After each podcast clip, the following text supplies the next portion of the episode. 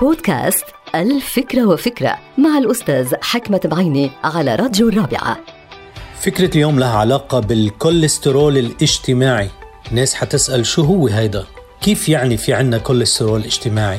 طبعا كلكم تعرفوا بجسم الإنسان في كوليسترول الجيد والكوليسترول السيء وطبعا الكبد بيحتار بيفرز هيدا ولا بيفرز هيدا وشو ال balance وشو التوازن ولكن حقيقة الأمر إنه ما نأكل أي هناك عوامل خارجية هي اللي بتأثر على الكوليسترول. طبعا في عوامل ذاتية وبيولوجية بتأثر على الكوليسترول.